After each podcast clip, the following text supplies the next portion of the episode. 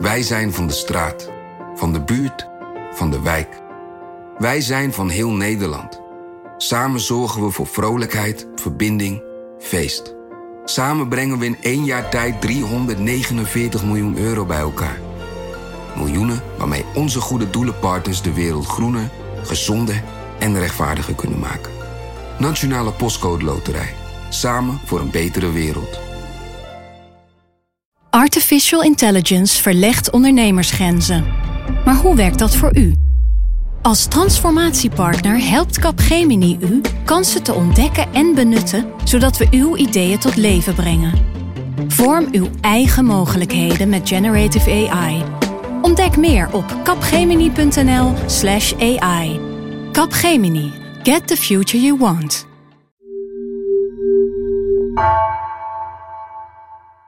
Voordat we beginnen aan Haagse zaken nog even dit. NRC heeft een audio-app. Daarin vind je de vertrouwde audioproducties, zoals natuurlijk Haagse Zaken, Onbehaarde Apen en Vandaag. Maar ook nieuwe titels zoals De Post en Cocaïnekoorts. Download dus nu de nieuwe audio-app van NRC.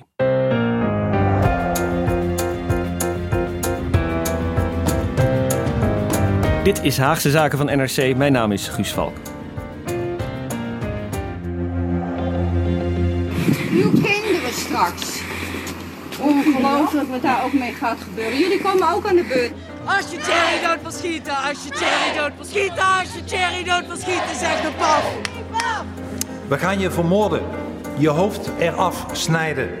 Je zal afgeslacht worden. Ik denk dat we Rob Jetten zijn privéadres maar bekend moeten maken. Slaan ze twee vliegen in één klap. Een ongelovige hond en een homo in één. Maar ja, het is maar een gedachte. Ja, je hoorde aan deze nogal heftige compilatie uh, wel, denk ik, wat het onderwerp van vandaag is. Want bedreigingen, intimidatie en geweld aan het adres van politici, het is uh, helaas geen nieuw fenomeen in Nederland. En afgelopen paar jaar lijken de spanningen en daarmee ook het aantal bedreigingen in Nederland toe te nemen. Um, dat blijkt ook wel uit uh, sommige data die we hebben. En daar zullen we het straks nog wel even over hebben. Politici worden klemgereden, staande gehouden op het binnenhof of krijgen via sociale media bedreigingen binnen. En vorige week was er een uh, merkwaardig incident bij het huis van Rob Jetten, D66-fractievoorzitter, die thuis zat met corona. Uh, hij kreeg ongevraagd bezoek van vijf boeren van Farmers Defence Force die hem een voedselpakket aanboden. Jette zei toen: er is hier een grens overschreden. In deze Haagse zaken gaan we het hebben over die bedreigingen. Je hoort hoe politici zelf die toename ervaren, wat eraan gedaan wordt, wat eraan gedaan zou kunnen worden. En we hebben het over de vraag wat het eigenlijk voor mensen zijn die dat doen. Wie, wie, wie doet zoiets en wat drijft mensen tot zulke acties? Ja, en je hoort het al. Uh, Lemmia is deze week helaas niet bij. Ze is nog een weekje aan het uitzieken. Maar volgende week hoopt ze er weer bij te zijn. Uh, dus voor nu nog een keertje Haagse Zaken met mij. En met op afstand een debutant in Haagse Zaken. Uh, redacteur van de Binnenlandredactie, Floor Rusman. zij volgt maatschappelijke protestbewegingen. Hoi Floor. Hallo. Jij zit op de redactie in Amsterdam. Ja. Het is daar net zo stil als bij ons in Den Haag? Ja, er is helemaal niemand. Ja, bijna niemand. Bijna niemand in een, in een kille lege studio dus. Ja. Hey, jij schrijft uh, voor de Binnenlandredactie um, over politieke betrokkenheid, over maatschappelijk ongenoegen, democratie, protestbewegingen. Wat interesseert jou eigenlijk aan dit onderwerp? Uh, ja, ik ben heel erg benieuwd wat, uh, naar wat mensen drijft om uh, de straat op te gaan. Ik ben bij heel veel verschillende soorten protesten geweest, van links en van rechts. Mm -hmm. En wat me daar opviel, is dat er eigenlijk heel veel overeenkomsten zijn tussen die mensen die de straat op gaan. Um, dus uh, of je nou bij de Libertarische Partij gaat kijken of bij Occupy, waar ik was in uh, 2011. Je hoort heel vaak dezelfde geluiden en dat vind ik heel fascinerend. Zeker in, een, ja, in deze tijd waarin veel in links-rechts termen en in polarisatie wordt gezien. Ja, want ik, ik, herinner me een stuk van jou van, nou, ik denk misschien al een jaar of twee geleden of zo. Toen je met collega Freek Schravenzande, uh, volgens mij een week lang of zo, alle protesten in Den Haag afliep. Nou, dan, ja. dan denk ik dat je echt van de Stichting Japanse Ereschulden tot aan ja. Occupy ehm, zit, weet je wel. Merkte je dat toen ook al? Zag je toen ook al heel erg die parallellen? Nou, dat was denk ik eigenlijk een beetje atypisch. Want wat ons idee was, uh, was om, om een week lang naar alle protesten in Den Haag te gaan. Maar dat waren ook heel veel mensen die, heel veel kleine groepjes van twee of drie mensen die gewoon elke week ergens naartoe gaan. En dat was wel iets anders dan die grotere um, grotere protesten Mhm. die meer aan de actualiteit gebonden zijn. Ja. Dus eigenlijk, ja. Hey, gelukkig eh, deze week niet alleen in de studio hier hoor, maar eh, op afstand zit hier Mark Lievese Adriaanse, politiek redacteur en eh, hiervoor ook redacteur justitie. Mark, jij en ik lopen vaak rond hier op het Binnenhof, nu ietsje minder vaak dan, eh, dan voorheen, maar toch merk jij wel eens wat van een, een andere sfeer, van hè, wat, wat je politici vaak hoort zeggen, het wordt hier grimmiger? Ehm, ja, grimmig is natuurlijk heel subjectief. Wat me wel opvalt, hè, als je van onze redactie richting het station loopt, dan loop je eerst langs de Tweede Kamer en dan langs het plein. En het valt me wel op dat de demonstrerende massa daar af en toe best fors is en ook wel luid is. En ook wel op een toon naar de Tweede Kamer schilt die je hier niet vaak meemaakt. Dus meestal eh, als er gedemonstreerd wordt in Den Haag, dan gebeurt het vaak op het Malieveld of op de Koekamp, eh, het, grasveld daarnaast. Ehm, en nu zie je het regelmatig ook op het plein. En dat is vaak heel fel, heel luidruchtig. Dat is wel iets dat echt iets van de laatste nou, negen maanden ongeveer sinds de, de corona-uitbraak. Ehm, dus ja, dat, dat merk ik wel. Heb je dan zelf dat je denkt, ik loop er even naartoe en ik ga kijken? Of denk je juist, ik neem even een, doe even een ommetje? Overal waar wanorde is, dat, daar, dat, dat ga ik als een magneet op af. Ehm, dat vind ik reuze interessant. En ik kijk dan graag even of ik praat een beetje met die mensen. Ik vind dat, ja, ik, ik- dat fascineert mij. En ik, ik mis dan ook altijd mijn treinen. Want ik vind het gewoon heel interessant om ja, chaos te zien. Hey, ik eh, noemde net even, even een inleiding. Eh, we hebben het nu over eh, een, een toename dat er zou zijn van het aantal bedreigingen aan het adres van politici. Mark, hebben wij daar harde gegevens over? Weten we dat, hoe dat zit? Ja, we weten het wel een beetje. Er is in Den Haag een team bedreigde politici. Dat is geen team van politici die bedreigd worden, maar een team van agenten die bedreigde politici eh, eh, ja, beschermen en contact mee hebben. Dat valt onder de politie? Ja, dat valt onder de politie. Ehm, er is daarnaast ook wel een tak van de NCTV, de Nationaal Coördinator Terrorismebestrijding en Veiligheid, die hier onderzoek naar doet en dit monitort. Maar het, de TBP ehm, van de politie, echt, eh, die houdt het echt bij. En die zagen in 2016 eh, 620 bedreigingen aan het adres van politici en andere personen die vallen onder het Rijksdomein. Dus dat zijn ook bijvoorbeeld wethouders, eh, eh, burgemeesters, ministers. En dat was eh, eh, eh, veel meer, dat was vier keer zoveel als in 2017. Het waren er 90. Eh, en dit zijn dus alleen bedreigingen die bij dit team echt gemeld worden. Eh, en ik heb wel politie gesproken die zeiden eh, dat het sindsdien nog verder is toegenomen. In 2018 of na 2018 kreeg je eerst de boerenprotesten die ehm, regelmatig heel fel zijn geweest tegenover politici en intimiderend. En sinds dit jaar ook de virusdemonstraties, eh, waar we natuurlijk ook een aantal eh, intimidaties uit, of hebben, ja, van hebben gezien. Mhm. Dus het, het neemt al jaren toe. Ehm, recentere cijfers dan 2018 zijn er niet, maar het sterke vermoeden is dat het sindsdien alleen maar is toegenomen. Ja, hierop eh aanvullend. Kijk, ehm, eh, ik heb onlangs voor eh, NRC met Kamerleden gesproken over bedreigingen die ze ontvangen. En toen zeiden ze dat het niet alleen ging om zeg maar, dat ze meer bedreigingen krijgen, maar ook andersoortige bedreigingen. Dus dat ze soms ehm, eh, bedreigingen krijgen die harder aankomen, zoals iemand het zei, dan dat, dan dat ze die eerst kregen. Ik vroeg naar die eh, maatschappelijke onrust, omdat er een eh, recent voorbeeld is, ook hier op het Binnenhof, van intimidatie. Dat ook wel samen lijkt te hangen met waar jij het net over had, Mark, die toch die grotere, ehm, eh, ja, die, die, die wat spannender sfeer op het Binnenhof. Eh, dat was het incident rondom CDA-kamerlid Pieter Omtzigt. Je altijd iedereen? Ja, verraad je graag het volk. Verraad je altijd iedereen? Huh? Huh? Ja, wat bedoel je? Het. Is het normaal dat je het volk verraadt? Is dat normaal? Satanisten, Huh? diepsteen. Die diepe satanisten, is dat onnormaal? Dat is niet normaal. Stoppen, jullie moeten stoppen. Jullie moeten normaal doen. Stoppen jullie?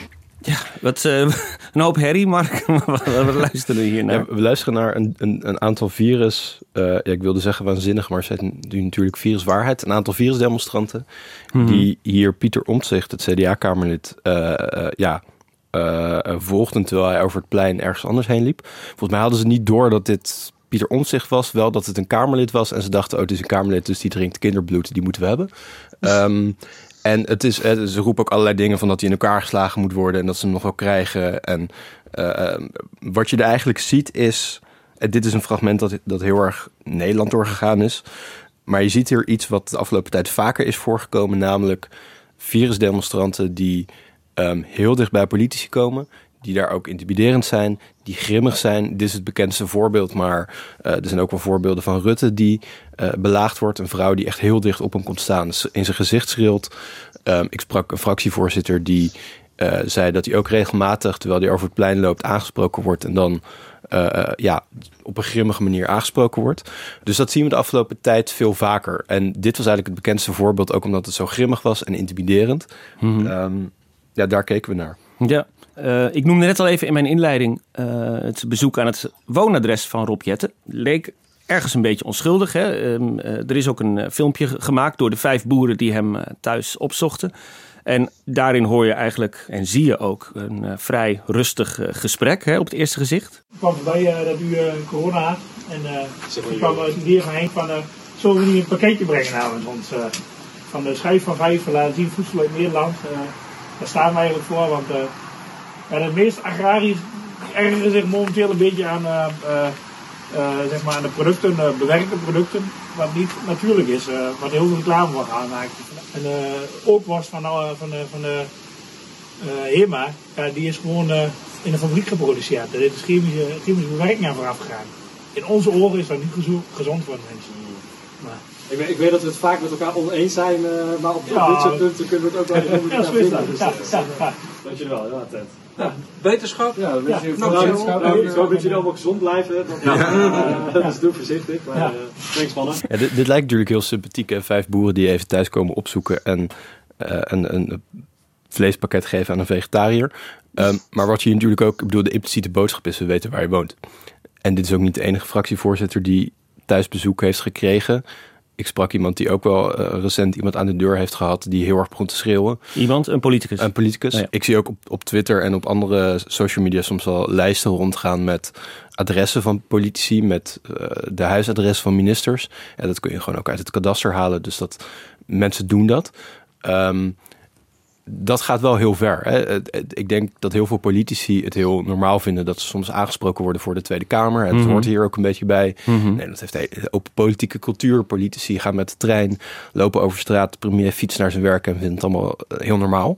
Ehm, maar dat een politicus thuis opgezocht wordt en in zijn privésfeer ehm, aangesproken slash geïntimideerd wordt, ehm, dat is wel een hele nieuwe stap. Ja. Ehm, en dat zie je de laatste tijd ook wel toenemen. Ook de grenzen, of mensen lijken het ook, of een, een aantal activisten lijken het ook normaler te vinden om dit te doen. Dat was het nooit en dat is het nog steeds niet. Maar je ziet wel dat, dat daar grenzen verschuiven, zeg maar. Ja, ja. Nou zijn bedreigingen aan het adres van politici niet nieuw. Hè? Ehm, eh, en ook geweld tegen politici eh, is eh, allerminst nieuw. In eh, 1986 nog werd er een aanslag gepleegd op ehm, eh, een bijeenkomst van eh, leden van de Centrumpartij... Hè, waar de vrouw van Hans Janmaat eh, invalide raakte in Kedichem. Eh, de moord op Fortuin ehm, is eh 18 jaar geleden. We hebben recentelijk de moord op Els Borst, oud-politica eh, gehad. Nederland heeft natuurlijk een verleden met geweld in de politiek. Hè? Ik, ik denk ook even aan Geert Wilders, die al meer dan 15 jaar streng beveiligd wordt en op dit moment in een safe house woont. En denk ik nog altijd de meest bedreigde politicus van Nederland is. Hè? Hij zei er in 2019 over dit, eh, dit over in de Kamer. We zullen je afslachten als een varken. Tel maar af tot je dood, want we komen eraan. Voorzitter, nog honderden, misschien wel duizend meer van dit soort bedreigingen kreeg ik de afgelopen tijd naar mijn hoofd geslingerd. Van boze moslims die mij graag dood willen hebben. Die, zo hebben we vorig jaar gezien, ook echt bereid zijn soms om ver vanuit het buitenland daarvoor naar Nederland toe te komen. Om onschuldige mensen met een mes neer te steken of om mij te zoeken om nog ergere dingen te doen. Voorzitter, het is ongelooflijk dat deze mensen niet worden opgespoord en vervolgd. Is er een verschil, Mark, met toen en nu? Ja, ik denk dat, dat geweld tegen politici in Nederland, intimidaties richting politie in Nederland, vaker ehm, op radicale politici waren, een radicale partij. Hè. Denk ook aan de bestorming van het CPM-partijkantoor in 1956 na de, de Hongaarse opstand. Ehm, tegen Janmaat, tegen Wilders. En dat je nu ziet ehm, dat het ook meer, dat het over de hele breedte, zeg maar. Dus dat het niet meer per se is, dit is een extreem Kamerlid of een radicaal Kamerlid waar we het oneens zijn. Mhm. Dus die intimideren me. Maar dat je vanuit bijvoorbeeld de virusdemonstraties en ook de, de boerendemonstraties ziet, het is een Kamerlid. Dus Ja. die intimideren. Eh, Dus het hele instituut van politicus staat ter discussie in plaats van dat het zich heel erg richt op radicalisme. Ehm, ik ben overigens wel benieuwd, Guus. Jij hebt hier natuurlijk ook 2002 rondgelopen, eh, Mhm. ook in de tijd van Fortuin. Hoe, eh, en wel de Yvonne net en mij, merk jij iets van die grimmige sfeer rond het Binnenhof? Ik ben eigenlijk wel benieuwd wat jij daar destijds van gemerkt hebt? Nou, best veel, uh, inderdaad. Ik was toen uh, trouwens net uh, beginnend journalist hier. Maar op de avond van de moord op Fortuin stond er een enorme menigte voor het, voor op, het, het plein te demonstreren tegen Kok en Melkert met name. Melkert zat toen op zijn kamer met uitzicht op, op het plein. Hij had de gordijnen dicht gedaan en zat daar stilletjes in een hoekje. Want hij was bang dat als hij zou lopen dat dan zijn schaduw zichtbaar zou zijn.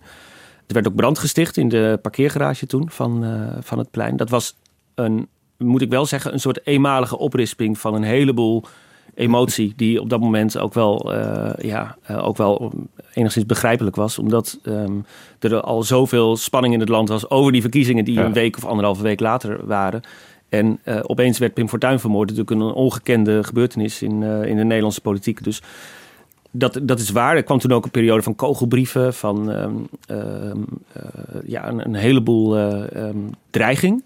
Maar uh, het, het had denk ik wel heel erg te maken met Fortuin. en in iets mindere mate misschien met 9-11. Ja. Dus, zag je het daarna ook snel weer afnemen of minder worden? ik denk dat het altijd bij heeft gehoord sindsdien. Maar vrij gauw na Fortuin kreeg je natuurlijk, kwamen mensen op het toneel als Wilders en Hirsi ja. Ali bijvoorbeeld. Ja. De moord op Van Gogh. De moord op Van Gogh. Um, uh, dus Nederland ging sowieso een heel gepolariseerde tijd in. Ja. Met um, bedreigingen aan zowel linker als rechterzijde, denk ik. Um, dus op, op dat moment begon dat volgens mij steeds meer een factor te worden. Het Kamergebouw werd ook uh, strenger beveiligd. Je kon vroeger veel makkelijker in en uitlopen. Nu, nou, we zijn hier net naar boven gelopen. ga je door allemaal sluisjes en, en, uh, en poortjes. het is gewoon veel meer hermetisch afgesloten. En dat, dat heeft ook heel erg zijn geschiedenis in die uh, jaren net na de moord op Fortuin, inderdaad. Ik zit me wel af te vragen, um, uh, Floor, ik vroeg me dat uh, ook af toen ik net die mensen hoorde die, die achter omzicht aanliepen. Maar waar komen dit soort gevoelens vandaan? Is, is dat, is, wat weten we eigenlijk van, van, van het, het onbehagen dat, dat zit achter mensen die op een dag zeggen: Weet je, ik trek mijn jas aan en ik, uh, en ik neem de trein naar het plein?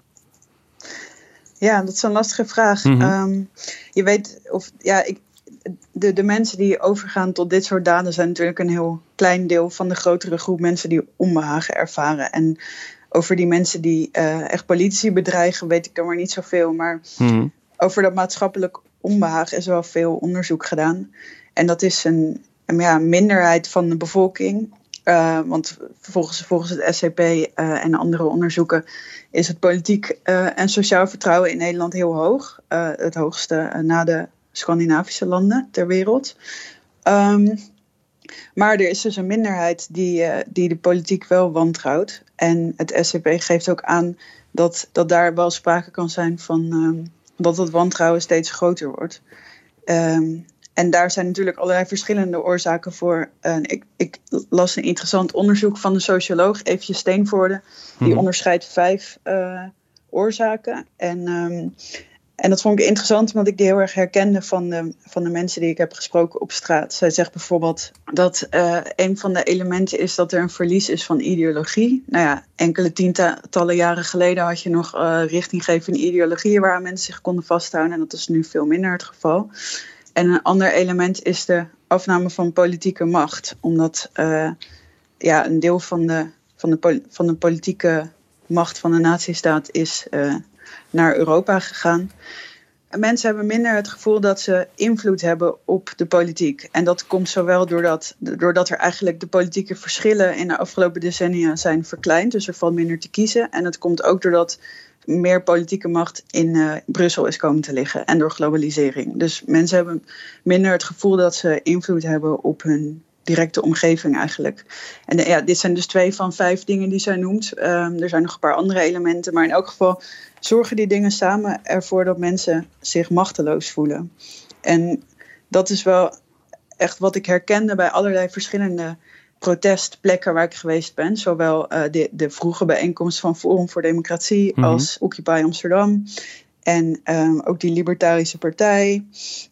Dat waren allemaal mensen die zich machteloos voelden en graag weer meer inspraak en zeggenschap zouden willen hebben. En daarbij ook nog, doordat ze nu uh, weer op een bepaalde manier politiek actief waren, weer een soort gevoel van uh, richting ervoeren. En ook gemeenschapszin, denk ik. Met de mensen met wie ze er waren. Dus zoals bijvoorbeeld bij, uh, ik was bij een bijeenkomst van uh, Geen Pijl. Dus uh, dat was toen nog ja, Jan Roos en Thierry Baudet. Die gingen flyeren op het plein in Den Haag. Mm -hmm. En er waren enkele activisten. en er was eentje die liep met een sandwichbord rond. Dit was dus voor het Oekraïne-referendum. En die wilde heel graag dat dat referendum er kwam. En toen vroeg ik, wat gaat u doen als dit allemaal geregeld is? Het zei dan is mijn leven voorbij. En dat zei hij, dat zei best wel vrolijk. Maar toen, toen dacht ik, ja, dat heeft toch ook wel iets treurigs. Dat hij, hij ervaart nu uh, dat hij onderdeel is van een groter geheel. En ja. dat wat hij doet zin heeft. En uh, hierna verdwijnt hij eigenlijk weer in de anonimiteit. Zou je kunnen um, zeggen dat, ja. dat zo iemand, hè, um, die duidelijk op zoek is naar bij een groep horen en, en uh, deel uitmaken, een, een bepaalde identiteit kunnen uh, aannemen uh, en daar zelfvertrouwen uit putten. Kun je, kun ja. je zeggen dat, dat zo iemand, ja, misschien klinkt dat een beetje gek, maar last heeft gehad van de ontzuiling, dat, dat er niet meer sprake is van een politieke ideologie of een bepaalde zuil waar je als, bijna als vanzelf inrolt als je ook maar in een bepaald gezin geboren wordt? Is, is, is zo iemand, zeg maar, een beetje um, ja, ontheemd geraakt? Ja, dat kan ik me heel goed voorstellen. Want dan, dan hebben we het zowel over dat verlies van ideologie als over een afname van een gevoel van gemeenschap. Dat is een van die andere vijf dingen uit dat onderzoek. Dus mensen zijn meer op zichzelf teruggeworpen. En ik denk dat ze door zo'n soort vorm van betrokkenheid weer het gevoel hebben dat ze onderdeel zijn van iets groters.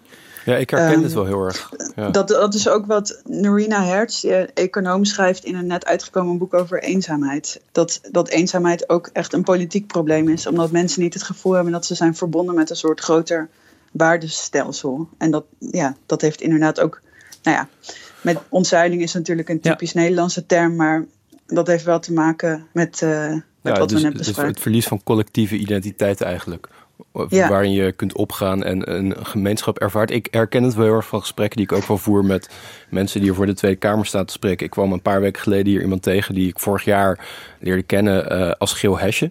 Mm -hmm. Die um, uh, was toen bij een, een, een, uh, er was een, een gesprek van een aantal gele hesjes, waarvan eentje geen geel hesje was, maar een Zwarte Piet. met onder meer premier Rutte. en die man was een soort supportgroep. Um, en die vond samen met zijn vrouw en dochter in de gele hesjes eigenlijk de gemeenschap die hij miste. Dus mm. een, een, het was iemand zonder groot sociaal netwerk, um, werkloos. Um, en zij zagen hierin ja, eigenlijk lotgenoten. Mensen die um, tegen dezelfde problemen aanliepen, die ook dezelfde analyse maakten over de samenleving. Die ook heel erg boos waren in zijn geval over de zorgkosten die, die stegen, het eigen risico. en die kwam ik hier nu laatst weer tegen. En ook weer met dezelfde mensen om me heen. Dus je ziet dat zeg maar, de richtinggevende verbanden die de verzuiling met zich meebrachten, die hebben de afgelopen 40 jaar zien, um, zien, zien afbreken, zien, zien vervallen. Henk Hofland noemde dat altijd gedecoloniseerde burgers. Dat zijn eigenlijk mm-hmm. volgens mij de mensen die je hier ziet. Dus die ontzuiling is in heel veel opzichten een bevrijding geweest voor de samenleving. Heel veel mensen uh, kunnen zich als gedecoloniseerd burger prima door de ontzelfde samenleving bewegen. En hebben misschien meerdere sociale netwerken en gemeenschappelijke verbanden waarin ze zich bewegen. En een aantal mensen of een deel van de samenleving heeft er veel meer moeite mee. Is misschien ontheemd, um, heeft minder gedeelde zekerheden en waarheden. Um, en vindt in dit soort bewegingen inderdaad in ieder geval misschien de illusie van grip terug. En heeft, ja. uh, in zekere zin zijn dit natuurlijk ook hele uh, uh, hoopvolle bewegingen als je uitgaat van het idee wat zij hebben dat zij Nederland kunnen veranderen. Dus ja. het is niet zo dat deze bewegingen zeggen wij kunnen niks meer en het heeft allemaal geen zin meer. Uh, alle macht is verdwenen. Nee, dit zijn bewegingen die toch ook denken, hopen dat zij Nederland kunnen veranderen. En dat is volgens mij ook een deel van de radicalisering die je ziet rondom de virusdemonstraties, zit volgens mij precies daarin. Het is een soort apocalyptische strijd. Dit is de laatste generatie, of zij zijn de laatste mensen die Nederland kunnen redden van de ondergang en van de dictatuur die via de coronawet volgens deze mensen opgelegd gaat worden. En als, als dat op het spel staat, hè, dit is geen demonstratie voor of tegen een maatregel waar je het een beetje mee oneens bent en uit solidariteit uh, uh, uh, ga je demonstreren. Nee, dit gaat om een soort, dit is een fundamentele waterscheiding. Mm. Als dat is hoe je deze tijd duidt, ja, dan staat er heel veel op het spel en dan ben je ook meer ja, opgeleid, denk ik, om heel ver te gaan in je acties. Ja, ja, ik denk dat grip, wat je noemde, dat dat wel inderdaad een kernwoord is. Dat mensen het gevoel hebben dat ze daardoor weer ja, hun eigen leven en de samenleving ook richting kunnen geven. Dus dat zo'n groep inderdaad een, een, een gevoel van gemeenschap biedt, maar ook grip. Dat is heel interessant, want ehm, hè, we hadden het over uh, het, het, het gevoel van verweest, misschien als ik dat uh, fortunistische woord nog even mag gebruiken, mm. hebben. Hè, dat ze het gevoel hebben, ik hoor nergens meer bij, ik zoek, ik zoek gemeenschapszin, ik ervaar een gevoel van, van verlies of van onthechting. Dat kan ik, kan ik goed invoelen. Tegelijkertijd, waar zeg maar, het moment dat mensen beslissen: ik ga de straat op, heeft vaak te maken met, men, met dingen die niet zozeer dingen die al gebeurd zijn, maar dingen die nog gaan gebeuren. Uh, ik zit te mhm. denken aan hè, Zwarte Piet wordt afgeschaft. Of er, komt, uh, er komen stikstofmaatregelen. Um, er komt een coronanoodwet. Weet je wel, Hugo de Jonge gaat de noodtoestand uitroepen. Dus het is, hè, je had het over apocalyptisch, Mark. Maar zit daar een gevoel in van... Hè, het, het, is nu al heel erg, maar het, het wordt nog veel erger. Nee, precies. En dus zijn zij de laatste mensen die dat kunnen tegenhouden. En zij zijn ook de enige mensen die het nog zien. De media, daar kun je al niet meer op vertrouwen. De Tweede Kamer eigenlijk ook niet meer. Mm um, dus moet je het zelf maar gaan doen. En uh, de band die er misschien vroeger was tussen um, uh, kiezer en gekozenen via de zuilen, via een, een, arbeider kon, in ieder geval in theorie, via de bond, uh, had hij een lijn met de PvdA-top als Sociaal-Democratische Arbeidersbeweging. KVP ja. hetzelfde. Die banden zijn er niet meer. Mm -hmm. Dus ga je direct naar de Tweede Kamer toe. Um, en ik, ik, denk dat je, dat je gelijk hebt dat het voor deze mensen uh, de vrees voor wat komen gaat. Of alles wat geweest is, heeft hen hiertoe gebracht dat zij hier nu staan. Heeft mm -hmm. misschien geradicaliseerd. Um, en alles wat zij vrezen dat er nog gaat komen, um, brengt hen verder in die, in die radicalisering. Om, om hier vervolgens voor de Tweede Kamer te gaan staan, politici te intimideren. Um, maar van, ik bedoel, er zijn ook een heleboel demonstranten hier staan die dat niet doen. Ja, precies. ja. Maar een deel wel maar je, je moet wel je moet gemotiveerd zijn hè? Je moet, om hier te staan. Uh, dus je kunt inderdaad thuis gaan zitten en, en denken van... jongen, wat, uh, wat, wat ben ik eenzaam of wat, uh, ik ken de wereld niet meer zoals die is. Maar er is ook een soort ehm, katalysator nodig die ervoor zorgt dat jij... Hier Ik denk dat de coronawet er echt een katalysator van mm -hmm. geweest is. Um, en ik denk dat het kabinet dat echt niet zo heeft ingezien... en ook heel lang niet door heeft gehad... hoe groot het verzet was tegen deze coronawet. Mm -hmm. ik, heb, ik vrees soms een beetje dat ik daar deels zelf ook schuldig aan ben. Leg uit. um, ik heb samen met collega Martin Kuiper volgens mij in april het nieuws gebracht dat het kabinet aan deze wet ja. werkte. We hebben in dat stuk een zin geschreven dat de wet grondwettelijke vrij, dat de coronawet grondwettelijke vrijheden over een langere periode zou kunnen inperken.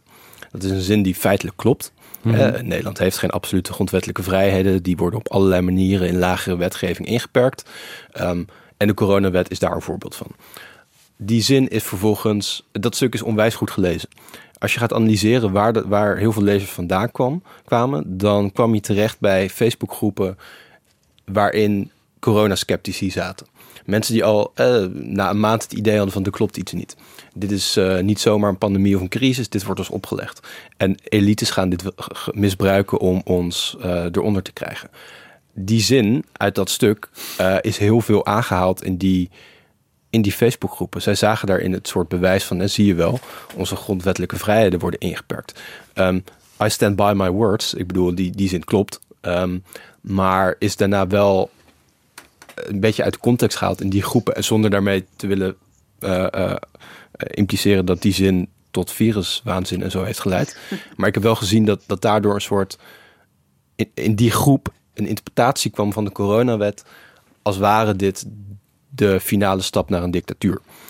Ja, heel interessant. Ook, uh, ik moet even denken wat je net zei over dat, dat media niet meer vertrouwd kunnen worden. Maar hier werd je net even iets te veel vertrouwd. Nee, maar dat, absoluut. Maar dat, dat is super fascinerend om te zien. Hè? Want, want ik, ik, ik heb niet het idee dat deze mensen per se... Deze mensen zoeken... Het is niet zo dat, dat ze per se NRC wantrouwen.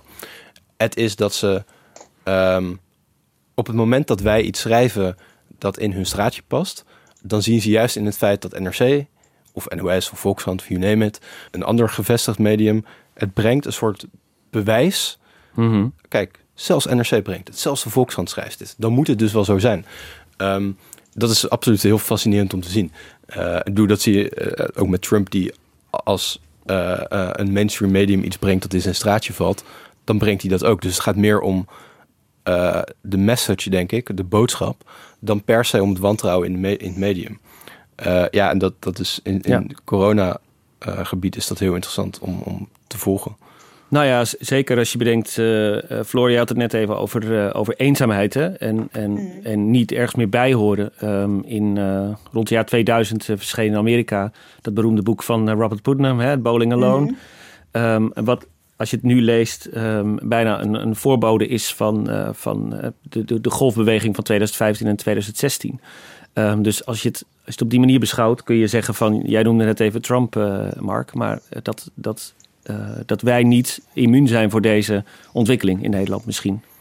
Nee, dat denk ik ook. Ik denk dat. dat um, ik zit even na. Ik denk, uh, ik denk, Nederland heeft natuurlijk een, fascinerende sociale geschiedenis de laatste honderd jaar. Als je kijkt hoe Nederland onwijs veranderd is de laatste honderd jaar. Eerst is het sterk verzeld geraakt en vervolgens in enorm rap tempo ontzeld.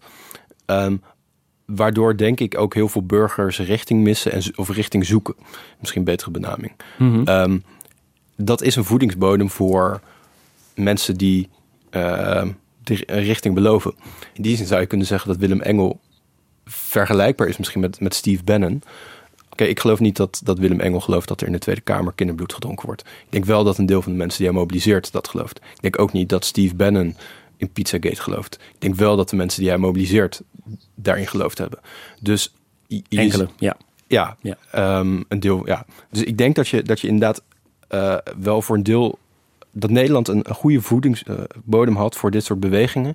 Juist door wat hier de afgelopen 50 jaar gebeurd is. Mm -hmm. Interessant hoor. En uh, wat ik me net afvroeg, Floor, je had het over uh, mensen hè, zoeken richting, uh, hebben, mm. hebben het, het, gevoel dat, dat ze niet meer bij een ideologie horen, vinden de politiek mm. geontideologiseerd um, en, en zijn er kennelijk toch weer naar op zoek. Maar in hoeverre is dat een expliciete wens? Of is dat een interpretatie die, die wij of, of deskundigen, SCP's, et cetera, eraan geven? Als je met die mensen praat, is dat ook dingen die ze, zijn dat dingen die ze ook echt zeggen? Of zijn dat dingen die wij, die wij uh, impliciet zien? Hmm, ja, dat is een goede vraag. Ik denk dat mensen niet zo, dat, dat de meeste mensen niet in, op die manier reflecteren op wat ze denken.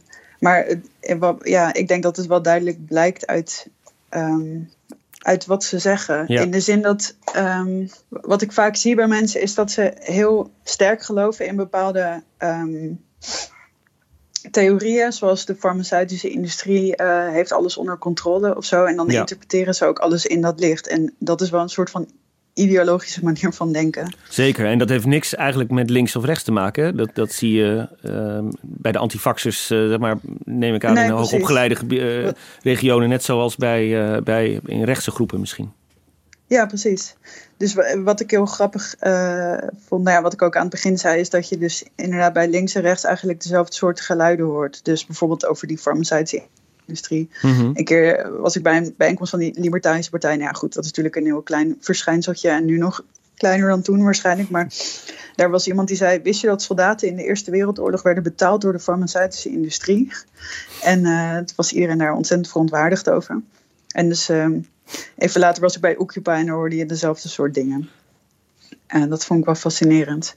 Ja, kijk, ik, ik denk dat, dat um, de aantrekkingskracht van dat soort partijen of bewegingen en nu de virus of anti, ja, de, de viruswaarheidbeweging, zeg maar, er ook in zit dat ze juist die richting geven, dat ze zekerheid bieden in een onzekere tijd. Dat ze een, een groot narratief bieden in een tijd waarin er heel veel kleine narratieven zijn, maar heel weinig uh, leidende binnende narratieven. en um, narratieven die geen zekerheid bieden. Die niet een duidelijke uitkomst bieden. Want precies. die weten wat er uit de, hoe en, we uit de coronacrisis komen. Precies, en dat biedt zo'n narratief natuurlijk wel. En uh, in die zin zou je het misschien een beetje kunnen vergelijken met een soort religieuze secte. Mm -hmm. uh, in de verabsolutisering van hun eigen waarheid. En ook de, de, de, de enorme binding die mensen rondom die waarheid zien. Dus er is heel weinig zelftwijfel. Ja. heel weinig sceptisch over de eigen claims. Nog even over de mensen die uh, uh, daadwerkelijk beginnen te bedreigen of, of te gaan intimideren, ofwel uh, geweld gaan plegen of, of, of combinaties daarvan. Tien jaar geleden publiceerde de NCTB, de Nationaal Coördinator Terrorismebestrijding, een onderzoek over bedreigers. En Hans Boutelier, een bijzonder hoogleraar polarisatie aan de VU, die maakt in dat onderzoek onderscheid tussen verschillende types bedreigers. Hij niet elke bedreiger is hetzelfde. Uh, en hij schreef, je hebt onder meer uh, straattaaldreigers. Dus bijvoorbeeld mensen die in uh, rapteksten of zo iemand doodwensen. Je hebt verwarde dreigers. uh, gefrustreerde dreigers en combinaties daarvan. En Boutelier schreef dat, dat uh, ongeveer de helft van de dreigers in de categorie uh, verward en gefrustreerd valt. en met name ook de, een combinatie daarvan. Um, en volgens dat onderzoek leidt een grote groep mensen die dus bedreigingen uit, leidt onder een, een groot gevoel van stress of een trauma. En Um, zodra er iets maatschappelijks gebeurt, schreef hij. En dat vind ik ook interessant, omdat we het net over uh, corona hadden en over. Uh, en Occupy kwam natuurlijk net na de economische crisis bijvoorbeeld. Uh, als er iets maatschappelijks gebeurt, een grote, grote, majeure gebeurtenis, dan beginnen mensen te dreigen. Dat is eigenlijk het moment dat mensen um, tot actie overgaan. Um, nou hebben wat, is dan, wat is dan dat vind ik wel interessant. Verward en gefrustreerd lijken me twee heel verschillende dingen. Bij mm -hmm. verward denk ik aan mensen die niet helemaal mentaal gezond zijn. Maar gefrustreerd zijn we denk ik allemaal wel eens. Ja, zeker. Uh, in dat onderzoek staat dat dat mensen zijn die, die, uh, die daar trauma aan uh, overhouden. Dus die zo gefrustreerd zijn dat dat, dat een traumatische invloed op hun welbevinden heeft. Dus en, hè, en jij en ik zijn. Ge gefrustreerd door de door de overheid of überhaupt gefrustreerd door dingen in het leven? Nee, dat kan allebei. Um, en oh, ja. het, het, het, interessante is, ik ging met die bril op ook naar een uh, rechtszaak toe onlangs. Um, er was een man die had, uh, man uit Gelderland, die had uh, Rob Jette bedreigd. op een Facebookbericht had hij onder een bericht van Jette, of geloof van D66, had hij geschreven dat Jette voor het vuurpeloton moest. Uh, Die man is vervolgd, het OM, en moest voorkomen voor de rechtbank. En ik ben naar die rechtszaak geweest. Um, en de, uh, wat heel sterk meewoog in die rechtszaak, interessant genoeg, ook bij het OM, was dat deze man um, uh, ook ja, zeg maar persoonlijk het gevoel had aan de grond te, te, te staan. zijn, zijn auto-reparatiebedrijf liep voor geen meter en dat gaf hem heel veel stress. En um, mm dat speelde een grote rol in die rechtszaak. En was ook. Um, uh, ja, de rechter had daar nog een soort van begrip voor ook. Uh, dus dat vond ik ook wel interessant dat dat niet los van elkaar werd gezien. Uh, uiteindelijk kreeg de man trouwens een boete van 500 euro. Um, geen hoge boete, zei de rechter er, er, meteen bij. Maar dat was, dat was interessant om te zien, want die, de, de frustraties van die man leidden dus kennelijk ook volgens OM en rechtbank tot die actie. Ja, het is interessant ja. ook volgens mij een aantal van de mensen die onzicht bedreigde. En er is dan ook een soort analyse van gemaakt van wie zijn die mensen precies. Er zaten ook volgens mij een paar mensen tussen inderdaad met eerder een strafblad, maar ook een ex-dakloze. En mensen die inderdaad heel veel hebben meegemaakt in hun leven. En die uh, ja, uh, misschien ook deels inderdaad psychologische problemen hadden. Um, het is interessant inderdaad wat, wat ja, de link daartussen is. Ja. Zeker, zeker. Wat ik, wat ik ook belangrijk vind om, om nog even op door te gaan, is wat dit eigenlijk, wat is het effect hiervan? Hè? Als je een politicus spreekt, hoor je over het algemeen altijd van ja, dat bevestigt me alleen maar uh, dat ik op de goede weg ben en dat ik zeg wat gezegd moet worden, et cetera. Maar Mark, uh, jij praat ook wel met politici en je ziet hier dingen gebeuren. Merk jij dat het invloed heeft hier? Ja, um, zeker. Kijk, als je het aan politici vraagt, dan krijg je eigenlijk twee reacties. Um, heel veel politici willen er niet over praten. Ze zijn bang dat, dat er over praten aandacht werpt op uh, de hierop, dat het die mensen uh, versterkt. Um, dat het ook bevestigt, uh, hun, hun, bestaan legitimeert als het ware. Of je krijgt de reactie, ja, ik zie het wel, maar ik merk er zelf niet zo heel veel van. ik vind het niet per se intimiderend. Tot je gaat doorvragen. Dan blijkt dat er best wel mensen zijn die um, toch beter opletten. Die toch een andere route nemen naar de Tweede Kamer. Um, die zelf ook gewoon in hun privésfeer mee hebben gemaakt dat ze dat, dat familieleden bijvoorbeeld op Facebook uh, berichten kregen of intimiderende berichten kregen. Uh, dat ze op straat feller worden aangesproken dan voorheen. Dat laat dus zien dat het, dat het ook breder is dan, ja. dan, dan alleen eh, iedereen let heel erg op Geert Wilders. Dat is een heel extreem voorbeeld. Een heel tragisch voorbeeld. Ook een man die al vanwege die bedreiging al 15, 16 jaar opgesloten zit, als het ware. Um, maar juist ook daaromheen bij andere politie, waar we het aan het begin over hadden, zie je ook dat dit meer voorkomt. Um, de consequentie daarvan is dus dat zij soms hun gedrag aanpassen. Dat ze uh, um, meer nadenken over waar ze heen gaan. Soms misschien ook uh, ergens niet heen gaan. Um, of dat niet aankondigen dat ze ergens heen gaan. Wat je daardoor, kijk, net, waar we het net ook over hadden, Nederland heeft een hele open politieke cultuur en dat vinden we allemaal heel normaal. Hey, het is heel normaal dat je hier vlak onder de plenaire zaal je fiets of je scooter kan parkeren en dat je kamerleden ziet lopen. Ehm, vergeleken met andere landen is dat niet zo heel normaal. Ehm, ehm, en dat staat er wel een beetje op het spel, denk ik. Die open politieke cultuur, ehm, waarin het normaal is dat je met politici kunt praten op straat, een gesprek kunt hebben, en ze kunt aanspreken, eh, gewoon op een normale manier. Dat staat denk ik wel een beetje ehm, op het spel. De- en is dat ontwrichtend? Ja, ik denk het wel, uiteindelijk. Ik denk ook dat, dat het ontwrichtend is dat je een toename ziet van een soort strijd om de waarheid. Hè? Dus je, Mhm. ziet, je ziet, zonder het verleden te willen romantiseren, maar je zag vaak demonstraties waarin de, de, de er, er gedemonstreerd wordt tegen een bepaalde maatregel.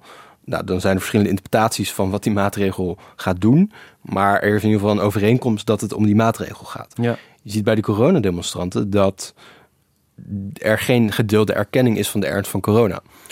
Als je die common ground mist, dan is er ook heel moeilijk om een brug te slaan. Dus eh, eh, dan heb je echt twee fundamenteel tegenovergestelde waarheden die met elkaar botsen. Nou, die botsing zie je nu volgens mij in beperkte mate hoor, ehm, hier voor de Tweede Kamer. Ja, ja. Denken jullie dat, er, eh, dat het ook invloed heeft op mensen eh, die de politiek ingaan of misschien wel nu niet ingaan? Want jullie hebben het nu over de, de invloed op politie die er nu zijn. Maar ik kan me goed voorstellen dat mensen nu denk, mensen met politieke ambities denken, nou, laat maar zitten, ik ga een andere baan zoeken. Of dat misschien wel mensen met, met een bepaald karakter het nog wel doen en met andere karakters niet. Ik ken geen mensen die om die reden niet politiek ingaan. Die zijn misschien ook moeilijk te vinden, omdat ze misschien niet zo gauw zouden erkennen. Ik ken wel politici die zich dit afvragen, inderdaad.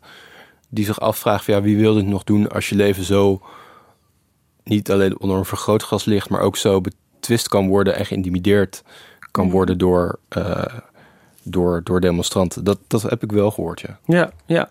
En ik kan me ook voorstellen dat het, eh, dat zou de politie helemaal niet leuk vinden om toe te geven, maar dat het soms ook gewoon loont, eh, bedreiging en intimidatie. Dus dat je sneller je zin krijgt als je ehm, het binnenhof bezet of als je politici ehm, ja, eh, agressief bejegent. Ehm, ik moet even denken aan, de, aan de, de, de, de boeren die op de koffie mochten Ja. bij, eh, bij Rutte bijvoorbeeld.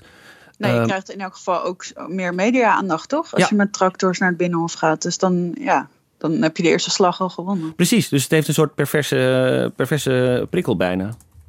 Om het wel te doen. Ja, Het is, eh, en in, ja goed, in het verleden heb je het, eh, eh, natuurlijk ehm, eh, nogal uit de hand gelopen demonstraties... waar, ook, ehm, waar vervolgens ja, de, de demonstranten dus hun zin kregen. Ik denk aan het scholierenprotest van 1999. Dat was ongeveer het einde van het studiehuis. Ehm, Ja. dus, dus blijkbaar werkt het wel zo dat, dat het is niet zozeer een machteloze, machteloosheid... maar het is juist ook een machtsmiddel, denk ik. Ja, maar die dingen kunnen ook eh, hand in hand gaan. Ja, dat is waar. bedoel, je, kunt, je kunt je machteloos voelen, eh, je dan heel dreigend gaan opstellen en dan machtiger blijken dan je dacht. En dat vind ik ook wel interessant, eh, nog over waar we het net over hadden, over die bedreigingen. Wat ik heel interessant vind, is dat ik het idee heb dat, die, dat veel bedreigers zichzelf compleet machteloos voelen. Dat, dat zag je ook bij die, ehm, bij die rechtszaak die, die door Clarice Gargard was aangespannen tegen allemaal mensen die eh, hele nare bedreigende dingen op sociale media hadden gezegd.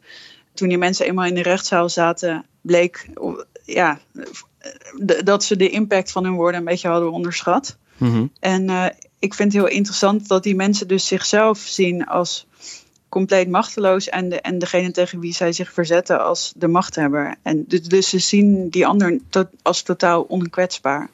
Ja, ik kan me voorstellen dat je dan ook agressiever gaat uiten. Dat, dat, eh, dat valt mij ook op inderdaad. Alsof Hugo de Jonge of Rob Jetten niet echte mensen zijn, maar een soort concepten waar, ze tegen, eh, waar, ze, waar je tegen kan, eh, kan schelden. Het, het is ehm, heel interessant hoe, en- en misschien komt het ook door sociale media of door, eh, door de online cultuur of zo, dat weet ik niet zo heel goed. Maar het valt me echt op dat de manier waarop mensen over politici praten ehm, heel erg onsmenselijkt is. Ja, Zie je daar eh, overeenkomsten in? Je hebt natuurlijk lang in Amerika gewoond, Mhm. ook in de tijd van Pizzagate en zo.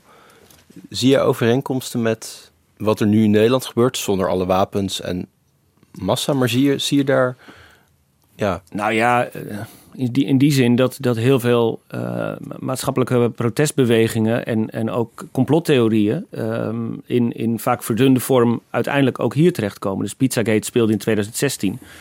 Uh, QAnon uh, speelde sinds 2017. Ehm, en dat zijn complottheorieën die nu langzaam ook in Nederland, weet je wel, steeds meer en meer aan elkaar verteld worden, zal ik maar zeggen. Dus ik denk dat, de, dat, dat, dat het minder groot is en minder invloedrijk is. En, en ehm, dat het in die zin niet te vergelijken is. Maar ik denk wel dat wat je daar, wat je daar al zag, met een kleine vertraging, ook hier uh, gebeurt. Maar dat was met Occupy trouwens niet anders. Dat begon ook in New York en, uh, en eindigt ook hier in... Uh... Eigenlijk alles wat in Amerika gebeurt. van gender review parties tot complottheorie. Eigenlijk wel. eigenlijk, eigenlijk komt alles hier ook uiteindelijk terecht. nou, was ik benieuwd van... Is er eigenlijk iets aan te doen? Uh, is er uh, bestuurlijk dan wel, uh, dan wel maatschappelijk iets te doen aan, aan dit fenomeen? Jij had het net over dat team bedreigde politici. dat is kennelijk opgericht omdat, het, hè, omdat de politie dat ook als een probleem erkent, Mark. Um, wat zou hier nou aan te doen kunnen zijn? Of wat wordt, wordt hier nu aan gedaan? Ik denk, je, je, moet denk ik een onderscheid maken tussen, tussen incidentbestrijding um, en de bestrijding van de echt structurele en fundamentele oorzaken waar we het net over hadden. Ik denk dat die incidentbestrijding op zich, en dat is te doen, um, dat doe je met vervolging van, van, van verdachten, et cetera. Die hele analyse die we net gemaakt hebben over ontzuiling, Mhm. de gevolgen ervan zijn natuurlijk wat moeilijker op te vangen dan uh, met een op te richten team of een beleidsnota. Dan heb je het over uh, dat, is een podcastserie aan zich, denk ik. Maar dan heb je dus over veel grotere maatschappelijke veranderingen. Bijvoorbeeld over gemeenschapszin. Bijvoorbeeld over, ik noem maar wat, economische zekerheid ook. Wat de voedingsbodem zou kunnen wegnemen of zou kunnen verkleinen voor dit soort bewegingen. Hmm. Social media, het, het misschien temmen daarvan of het algoritmes die, nou, wat, wat Arjen Lubach laatste fabeltjes noemde. Waardoor mensen, zeg maar, door Waar, één filmpje te kijken... Precies. in een soort loop van, uh, ja. van, uh, van eenzijdige precies. informatie uh, En daarmee ook steeds verder, steeds dieper komen, geradicaliseerder worden... Um, bevest, steeds meer bevestigd worden in die gedachten. Ja. Um, dat zijn enorme institutionele en maatschappelijke veranderingen. Ik denk wel dat als je het echt als je het hebt over daadwerkelijke oplossingen of zo... Mm -hmm. um, dat je die kant op moet denken. want we constateerden net ook dat het... Dat het hele diepe oorzaken heeft, ja, dan liggen ook de oplossingen heel diep. Ja, wat denk jij, Floor? Want juist die diepe oorzaken lijken me heel lastig om. Uh, je kan moeilijk een nieuwe verzuiling gaan invoeren. Ja. Ik denk dat het, dat het in elk geval heel erg belangrijk is dat mensen het gevoel hebben dat ze uh, dus ja, grip hebben op hun eigen leven en ook wel op de, op de een beetje waar het heen gaat met het mm -hmm. land. Dus ja, dat uh, niet bindende raadgevende referendum was natuurlijk uh, in die zin niet zo handig. en ook niet dat het meteen maar is afgeschaft. Dus ik denk dat een referendum bijvoorbeeld waar wel naar geluisterd wordt een goede vorm zou zijn. Ja. Um, en ja, het is heel lastig. Er wordt ge geëxperimenteerd met vormen van politieke inspraak. Dus bijvoorbeeld mensen die heel erg geloven in die deliberatieve democratie, de burgerraden en zo. Maar daar zie je dat toch weer vaak de hoogopgeleide elite is die dan komt opdagen. Mm -hmm. En terwijl je ook laag opgeleide wil betrekken. Ja, ja dus er, ja, er moet naar vormen gezocht worden waar, waarbij die mensen zich ook weer betrokken voelen. Maar ja, dat is nog een beetje een zoektocht. Ik beetje... denk dat het ook zou helpen als er in de politiek meer te kiezen viel. Mm -hmm. Want nu is het, nou, dat is ook een beetje een breed verhaal, maar nu is het natuurlijk zo geweest dat een tijd lang um, ongeveer alle partijen wilden bezuinigen. En nu willen ineens alle partijen uh, een grotere overheid. En zo gaat het vaak in Nederland. Ja. Um, dat eigenlijk over de grote thema's alle partijen het eens zijn. En dan voel je als burger ook een beetje ja, gemarginaliseerd. Ja, ja. Ik, denk, ik denk dat je daar, daar ben ik het wel mee eens, dat inderdaad de ik bedoel, en Nederland is heel erg consensusgericht. Dissensus heeft ook een bepaalde politieke functie, namelijk Mhm. alternatieven bieden. En om nog terug te komen op, op waar we het net over hadden, het, het paradox is natuurlijk een beetje dat door al die maatschappelijke veranderingen er minder grip is gekomen. En mensen daardoor richting missen misschien. Maar door dat gebrek aan grip is het ook veel moeilijker om grote dingen te veranderen. Dus het is ook een beetje een, een ja, vicieuze cirkel in die Ja. zin. Ik, eh, ik hoor geen, eh, geen eh, snelle oplossing, dus ik vrees dat we er in zekere zin ook mee moeten leren leven. Ehm, maar het, is wel, het is een leuke, optimistische uh, ja. uitzending dit. met een goed gevoerd weekend in met NRC. ja, ik dacht ook eens een keer iets lichts. ja, we zitten nu uh, een beetje te lachen hoe uh, ernstig het allemaal is. Maar Floor, ik hoorde jou net ook praten over de demonstranten, hè, waar je naartoe gaat. En, en nou hebben het over bedreigers. Dat is echt wel belangrijk om nog even te zeggen. Is een heel kleine groep. Um, uh, je ziet heel veel mensen de laatste tijd op het plein staan en, en naar het Malieveld trekken of wat dan ook. Uh, overgrote deel daarvan um, uh, bedreigt uiteraard niet. Het is echt niet alleen maar ellende, toch? Nee, ja, wat ik dus wel. Um wat ik altijd leuk vind, is dat je ziet bij mensen die samen de straat opgaan. Of ja, ik ben bijvoorbeeld ook een paar keer bij de G1000 geweest. Dat is dus die deliberatieve democratievorm.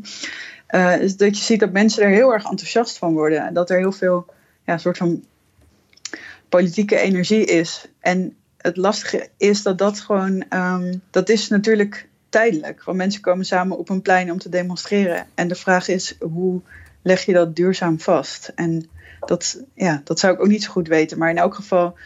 Um, in elk geval is het iets positiefs, vind ik, dat die mensen dit doen. Ik bedoel, je kunt ook gewoon op de bank gaan zitten Netflixen of alleen maar zitten zeuren uh, aan tafel met je familie of vrienden of zo. Maar deze mensen die willen zich in elk geval wel inzetten voor een betere wereld. En natuurlijk kan het totaal uit de hand lopen. Uh, in de zin dat het niet de bedoeling is dat je politici gaat bedreigen. Maar ik vind in elk geval iets positiefs dat mensen zich zo betrokken voelen.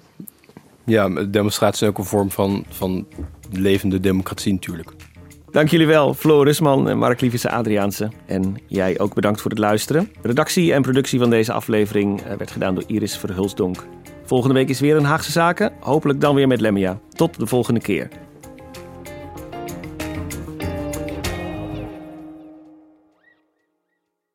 Je hebt aardig wat vermogen opgebouwd. En daar zit je dan, met je ton op de bank. Wel een beetje saai, hè? Wil jij, als belegger, onderdeel zijn van het verleden of van de toekomst? Bridgefund is een slimme fintech die een brug slaat tussen de financiële behoeften van ondernemers en van beleggers. Dus wie belegt bij Bridgefund krijgt niet alleen een mooie vaste rente, maar brengt ook ondernemers in beweging. Echt waar! Met die ton kan je zoveel betere dingen doen. Bridgefund. Make money smile.